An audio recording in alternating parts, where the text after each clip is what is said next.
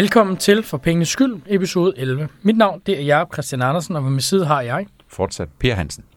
Per, i sidste uge der talte vi børsnoteringer, fordele og ulemper set fra en investors synspunkt. Og nu er, nu er det jo sådan i Norden, at nu er vi faktisk klar med en med dansk biotek, forstået på den måde, at vi er med til at søsætte en.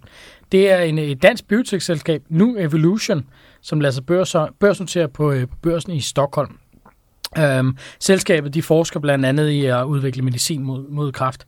PA, vi, vi ser igen den her tendens med en virksomhed, der lader sig øh, børsnotere i det her tilfælde First North Premierbørsen i, i Stockholm, og altså med andre fravælger Danmark.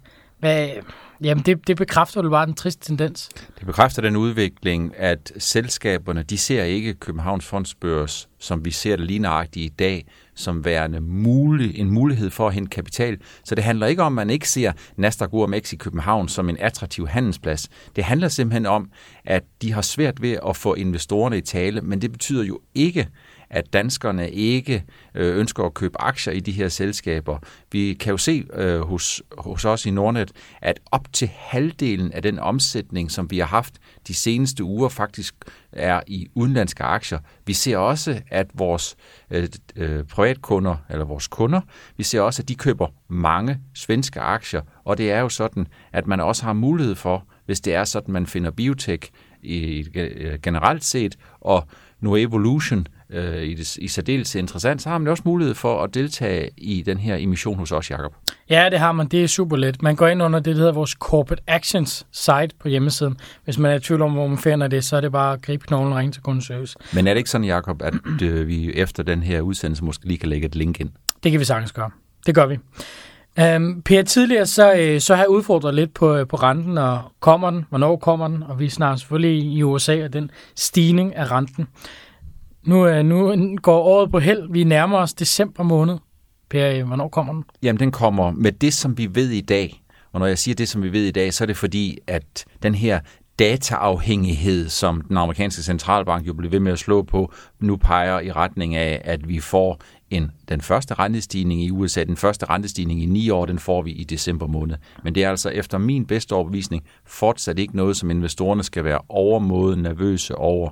Og det er fordi, at vi kommer til at se forhåbentlig og formentlig flere renteforholdelser, men renten er så ultra lav, at det ikke burde være nogen større udfordring isoleret set. Der kan være mange andre ting, som investorerne skal være overvågne over for og måske en lille smule nervøse for, men isoleret set er renteudviklingen i USA ikke noget, der bekymrer mig, og det er altså fortsat sådan, efter min bedste overbevisning, ja, så går der altså et par år endnu, før vi i Europa kommer til at se sådan markant stigende renter. Hvor, hvor meget forventer du? Du har måske et bud på, hvor, hvor meget rentestigning den kommer til at være på? Jeg tror, at den første bliver med 100% garanti efter min bedste overbevisning 0,25. Og jeg tror også, at det, som den amerikanske centralbank Fed kommer til at kommunikere, øh, det vil være, at renten fortsat vil gå op i, i fold af 0,25. Øh, investorerne skal være nervøse, hvis det er sådan, at Fed lige pludselig kommer til den her gang at hæve med en halv, og egentlig også signalere, at en halv af den marshastighed, hvor med de vil sætte renten op flere gange i 2016.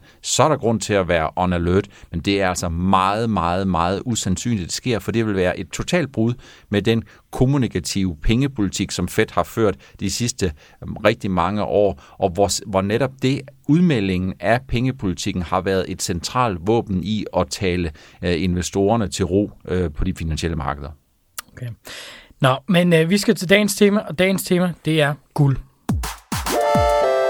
Guld, det har været en populær investering i mange år. Når jeg siger mange år, så mener jeg faktisk øh, et, et helt tilbage til 5.000 år siden, er der, er der blevet fundet øh, i, i Central- og Østeuropa øh, fund fra, øh, fra guld. Øhm, per guld, det bliver mange, det bliver betragtet som såkaldt safe haven. Altså hvis der er uro på markederne, så, så strømmer pengene over i guld. Øhm, og vi havde også, vi havde også en rekordhøj øhm, kurs i 2011. Men, mener du, at investering i guld, det kan ses som sådan en slags sikring af ens øh, portefølje? Jamen det kan man i princippet godt sige, hvis det er sådan, at du som investor, Jakob går og tænker på, at nu går verden ned, forstået på den måde, at det finansielle system bliver bryder sammen, så kan det meget vel være, at investorerne i stort tal vil flokkes omkring guld. Men jeg synes ikke, der er særlig meget, der peger i retning af, at guld, det bliver en guldinvestering, heller ikke de kommende år. Hvis øh, det, jeg var inde på med 2011, altså på det daværende tidspunkt, helt præcis den 5. september, der handlede vi 1864 dollar per, øh, per ounce. Øhm, I dag så handler vi 1070. Med andre ord, altså prisen den er faldet stødt siden da. Måske på tide at investere i guld nu, eller hvad tænker du? Det tænker jeg faktisk ikke. Og grunden til, at jeg ikke gør det, det er, altså, der er faktisk en lang række gode grunde til. Den første, det er, at man må ikke tage udgangspunkt i, at når guldet er faldet lidt mere end 40 procent fra toppen, at så guldet nødvendigvis er blevet ekstraordinært billigt. Det er sådan, at hvis man kigger cirka fra 2000 og så en 10-11 år fremad, der er noget nær 10 guldet. Øh, og det, at den så falder 40% igen, Øh, det betyder sådan set bare, at guld er 4 til 5 dobbelt. Det betyder ikke, at guld nødvendigvis er blevet øh, langsigtet utrolig øh, lavt øh, prissat. Så jeg vil gerne advare mod, at folk de ligesom tager udgangspunkt i, at når guld det er faldet, så er der egentlig kun én vej her for guld opad. For der er en lang række gode grunde til det. Renterne er lave, realrenterne de er lave, øh, dollaren er høj, og det er altså sådan, at dem, som leder efter guld som en guldinvestering, jamen de skal altså tage udgangspunkt i, at det er en ekstremt spekulativ øh, investering, og det er fordi det at eje guld har jo fuldstændig de samme kvaliteter og mangel på muligheder eller risici eller muligheder i sig selv, som alle mulige andre råvarer har. Aktier og obligationer, hvis de i hvert fald betaler øh, udbytter, eller hvis obligationer de betaler rente, ja, de bærer jo i sig selv et naturligt afkast. Råvarer bærer i sig selv intet afkast. Nej, det, det, det betaler ikke løbende udbytte, ligesom vi for eksempel kender fra mange aktier. Nej, man kan faktisk godt sige, at råvarer, det er faktisk omkostningskrævende løbende have, fordi at du egentlig skal have nogle faciliteter, hvor du kan opbevare de her råvarer, mm. hvis det er sådan, man, man handler fysisk. Så i den henseende, råvarer, det er noget, du investerer i, hvis du har nogle specifikke forventninger til nogle givende råvarer. Ellers så skal du langsigtet forvente, at det afkast, du får i råvarer, det er ringe og ikke konkurrencedygtigt. Og investerer du selv i guld, eller har du gjort det tidligere, eller gør du det nu? Det har jeg ikke gjort, og det kommer jeg sandsynligvis heller ikke til at gøre i fremtiden. Der er, der er flere forskellige muligheder, hvorpå man, man kan investere i guld, både direkte og indirekte øh, investering. Men, men Per, øh, en, en tendens, som jeg har blivet mærke i, det er, at man ser, at øh, guldprisen og guldaktier, altså guldrelaterede aktier, de har ikke, de har ikke bevæget sig i, i, i samme trend.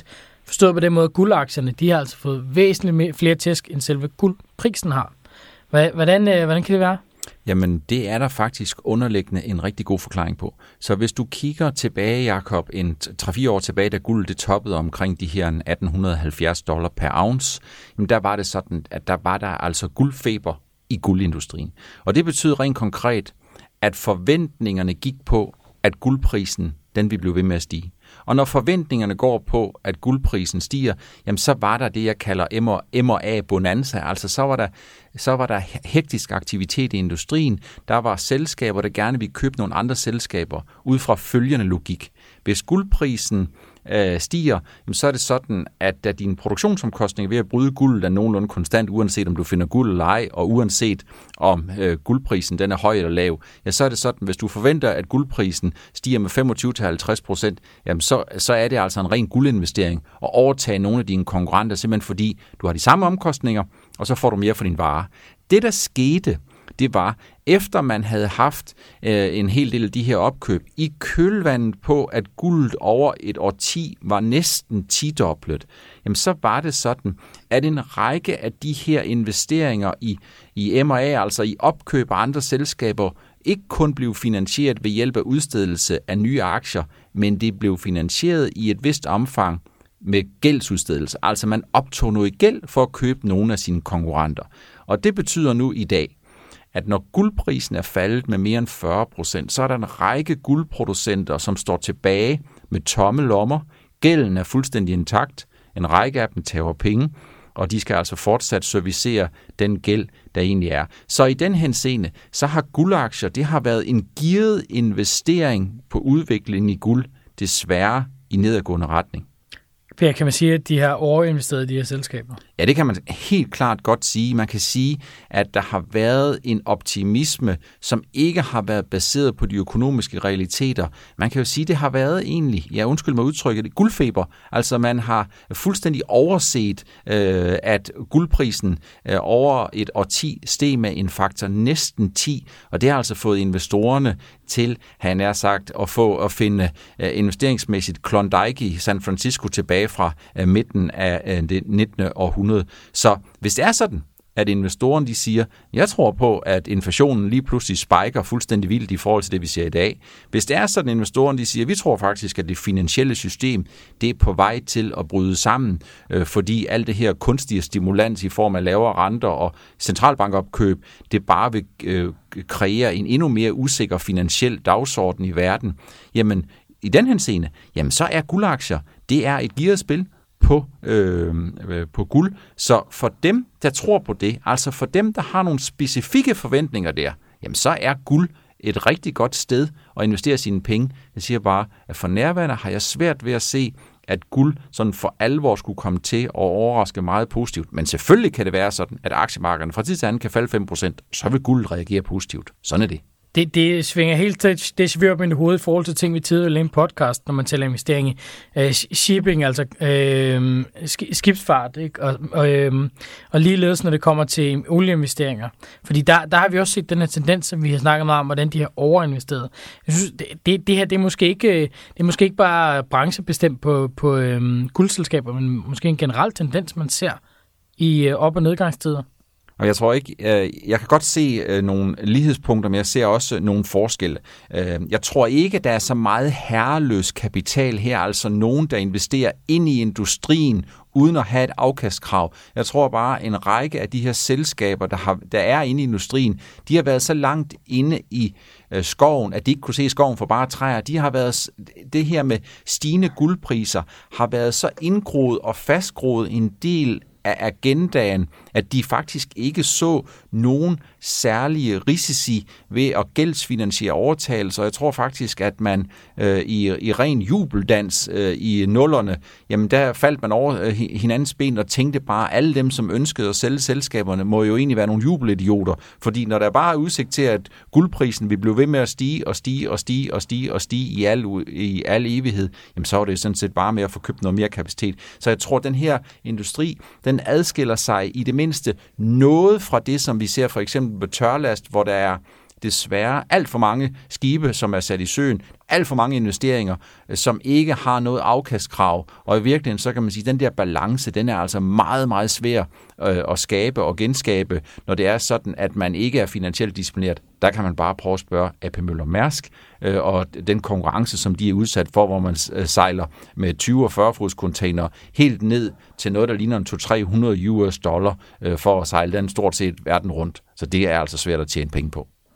Der er lidt forskellige muligheder, hvis man ønsker at investere i guld. man har sådan set også muligheden for at investere i en faldende guldpris, men det kan vi lige komme ind på lidt senere.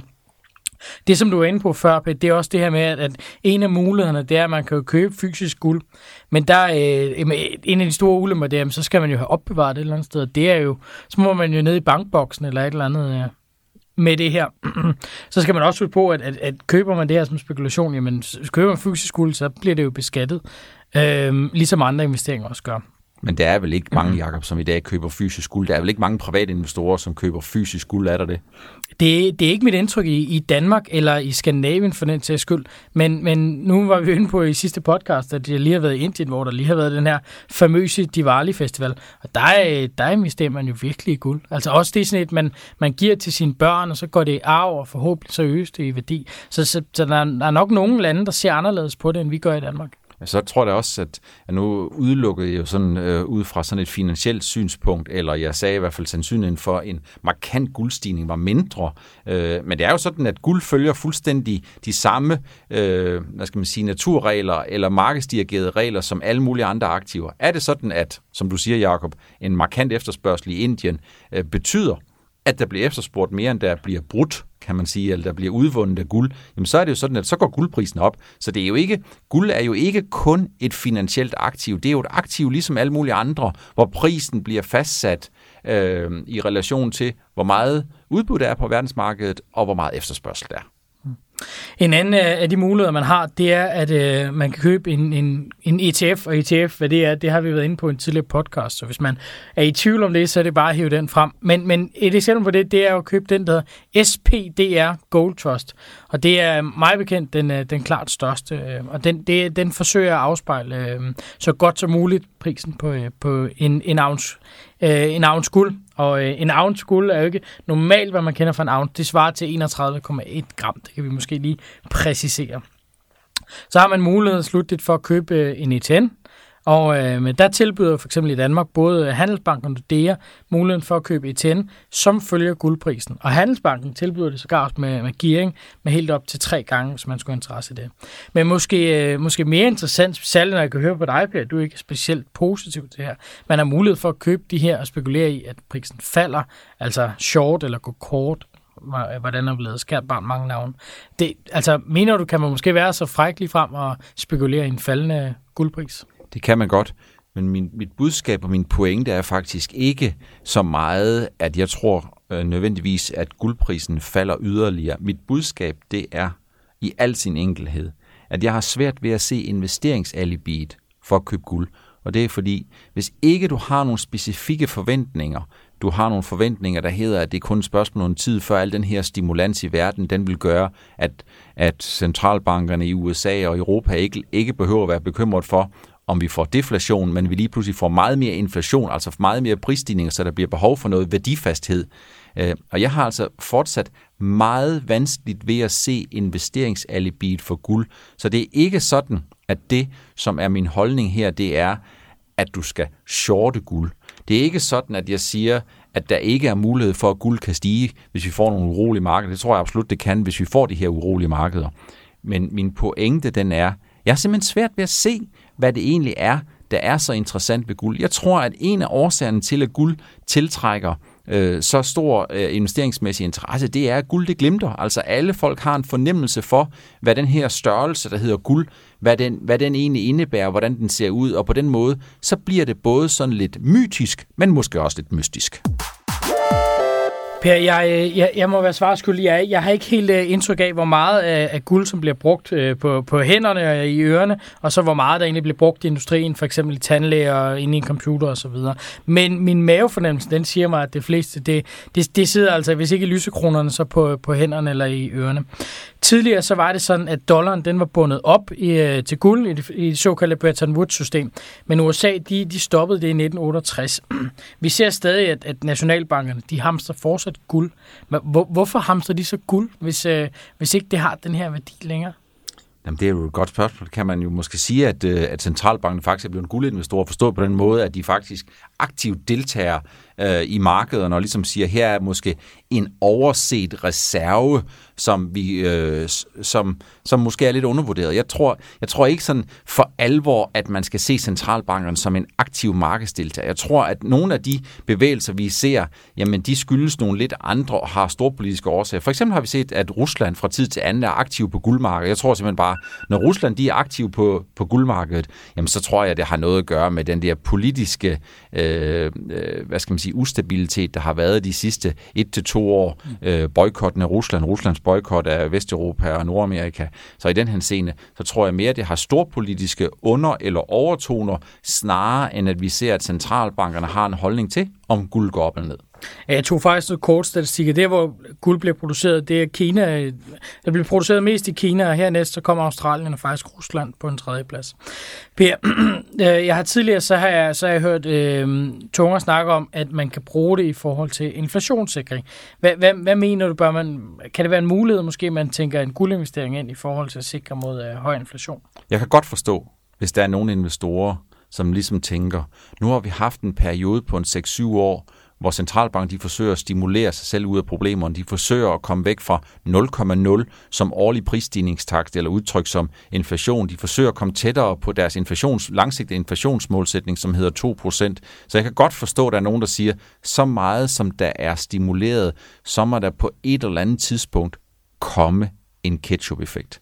Jeg tror bare, at hvis vi kigger efter finans krisen, så har der været ekstremt stærke deflationære kræfter, som presser den årlige prisstigningstakt markant ned. Først så vi det i form af enhedslønomkostningerne. Vi så, at lande som Irland, Spanien, der pressede man simpelthen øh, enhedslønomkostningerne ned, sådan så enhedslønomkostninger efter finanskrisen de første to-tre år efter, de faldt i Irland med 15 procent, og i Spanien med 8%. Det betyder alt lige, at medarbejderne de laver enten 15 respektivt 8% mere, eller også så går de 15 respektivt 8% ned i løn for at producere den samme mængde. Og det har altså en stærkt deflationær effekt på økonomien. Nu har vi så fået senest, der har vi så fået, at råvarerne går meget ned. Vi kigger mest på oliepriserne, men metallerne er også gået ned. Og nu er det sådan, hvad skal man sige, de deflationære kræfter 2.0, øh, kan man sige. Jeg har glemt måske indimellem, der fik vi også ejendomspriserne, som der var lidt pres på, i hvert fald udvalgte dele af, af, af verden herunder, ikke mindst øh, udvalgte dele af øh, Sydeuropa. Så vi har altså haft en række øh, kræfter, som presser prisstigningstakten ned. Og jeg tror da også, og jeg håber også, at vi inden længe kommer ind i en situation, hvor vi ikke længere skal kigge så meget ned mod 0,0 for risikoen øh, for øh, deflation, og vi kommer øh, til at se en, en inflation og inflationsforventninger, som går højere op. For nærværende og på helt kort sigt, så har jeg svært ved at se, at inflation det bliver et rigtig, en rigtig stort problem, eller sagt på en anden måde, jeg har også svært ved at se, at det skulle være triggeren på helt kort sigt for, at guld bliver mere efterspurgt. Men igen, jeg udelukker ikke, at guld kan stige. Jeg udelukker ikke, at guld kan blive en guldinvestering. Jeg udelukker ikke, at vi kommer til at se en ændring i de her ting. Jeg siger bare, hvis det er sådan, du investerer i guld, så skal du have nogle specifikke forventninger omkring guld. For at skære ind til benet, så det du siger egentlig, det er bare, at du forventer ikke, der kommer nogen inflation. Jeg forventer ikke, at inflation bliver et problem. Okay. Og, og guldpriserne de stiger meget, hvis det er sådan, at inflation bliver et problem. Og, og når du siger det, Per, er, er det så i, i Danmark, eller er det jo i Europa, eller sæt nogle ord på det? Guldprisen er jo et globalt anlæggende, og inflation er et globalt anlæggende. Øh, jeg kender kun et sted i verden, hvor inflation, øh, hvor der virkelig er meget inflation. Det er Brasilien. Brasilien. Der har de alt for meget inflation. Øh, skræmmende meget, som vi har behandlet i et, i et tidligere indslag. Men alle andre steder i verden, jamen der er inflationen, den er enten et problem, eller også så er den på vej ned. Per, du ved, jeg, jeg lader dig ikke gå, øh, før vi har været inde på øh, fremtiden. Og øh, som sagt, så handler vi omkring 1070 øh, per ounce nu her. Øh, og det, det er 24 grad, det er det målestok, man bruger. Per, når vi sidder her med et år fra nu, hvad handler vi så i, tror du? Jamen, øh, det er jo, jeg, jeg, jeg, jeg, har ikke, jeg har desværre ikke nogen mønt med herinde, for ellers så vil jeg måske flippe en coin, og det er fordi, jeg mener, det er øh, ekstremt øh, svært at sige noget om, hvor, hvor guld det skal hen. Jeg ser ikke nogen trigger i guld. Jeg ser ikke nogen trigger i guld op. Jeg ser ikke nogen trigger i guld ned. Det, det, det har jeg ikke set, og det ser jeg fortsat ikke. Men hvis du ikke lader mig slippe ud af lokalet, inden jeg giver øh, et tal fra mig, så vil jeg sige, om et år fra nu, så tror jeg, at guld det handles i 1109 dollar per ounce, og så kan du sige, hvordan kommer jeg frem til det? Jamen, jeg, jeg siger give and take. Øh, jeg kan godt se, at guld går en lille smule op, men jeg ser ikke nogen trigger i guld som sådan. Der er ikke noget, efter min mening, i solmåne stjerner, der peger retning af, at du skal være ekstremt positiv eller ekstremt yderligere negativ på guld. Og det er vel egentlig noget af det værste, man egentlig kan komme ud for, for et finansielt aktiv, hvis du ikke ser nogen trigger i opad eller i nedadgående retning. Ja, man må se, om du får ret. I så fald så er det ikke noget, man bliver rig af. Vi er ved at nå øh, afslutningen på øh, episode 11 af podcasten, og øh, Per, vi, vi ved ikke af, hvad, hvad temaet på næste episode skal være, så vi vil jo fortsat gerne have noget input til det. Det er super godt, at øh, lytterne de gider og ulejlige sig med og være med til at bestemme indholdet. Og der er det sådan, at vi kan jo måske løfte sløret for, eller vi kan løfte sløret for ligesom at sige, at de ting, som vi vil tage op i podcasten, eller som vi for, først og fremmest tager op i podcasten som emner, det skal være handlebare investeringsaktiver, som den almindelige investor har en mulighed for at investere igennem i Nordnet primært. Og derudover kan vi jo ikke udelukke, og jeg vil ikke udelukke, at vi kan tage nogle andre ting op, øh, i podcasten. Men vi tilstræber altså at finde nogle emner, som kommer bredest muligt ud til den almindelige investor, sådan så vi er sikre på, at flest muligt synes, at øh, programmet det er attraktivt at lytte med ind på. Ja, der er, der er en gut, der har skrevet noget omkring noget aktiescreener, altså hvordan man udvælger aktier. Og øh, det, det er vi snakket lidt om, og vi, vi lader os lidt inspirere til, at det kunne godt være et tema på et tidspunkt, hvor man simpelthen går ind og kigger på, jamen, hvilke parametre er der til at udvælge aktier, og hvordan er det så er der noget igen, som, som, som, som du, Per, tillægger andet værdi. Men, men ellers så, øh, så må vi vel også hellere øh, sige, som vi også opfordrer til i sidste episode, at vi vil altså meget gerne have nogle anmeldelser. Om de så er gode eller dårlige, det er op til jer. Men inde i, i via det her iTunes Store.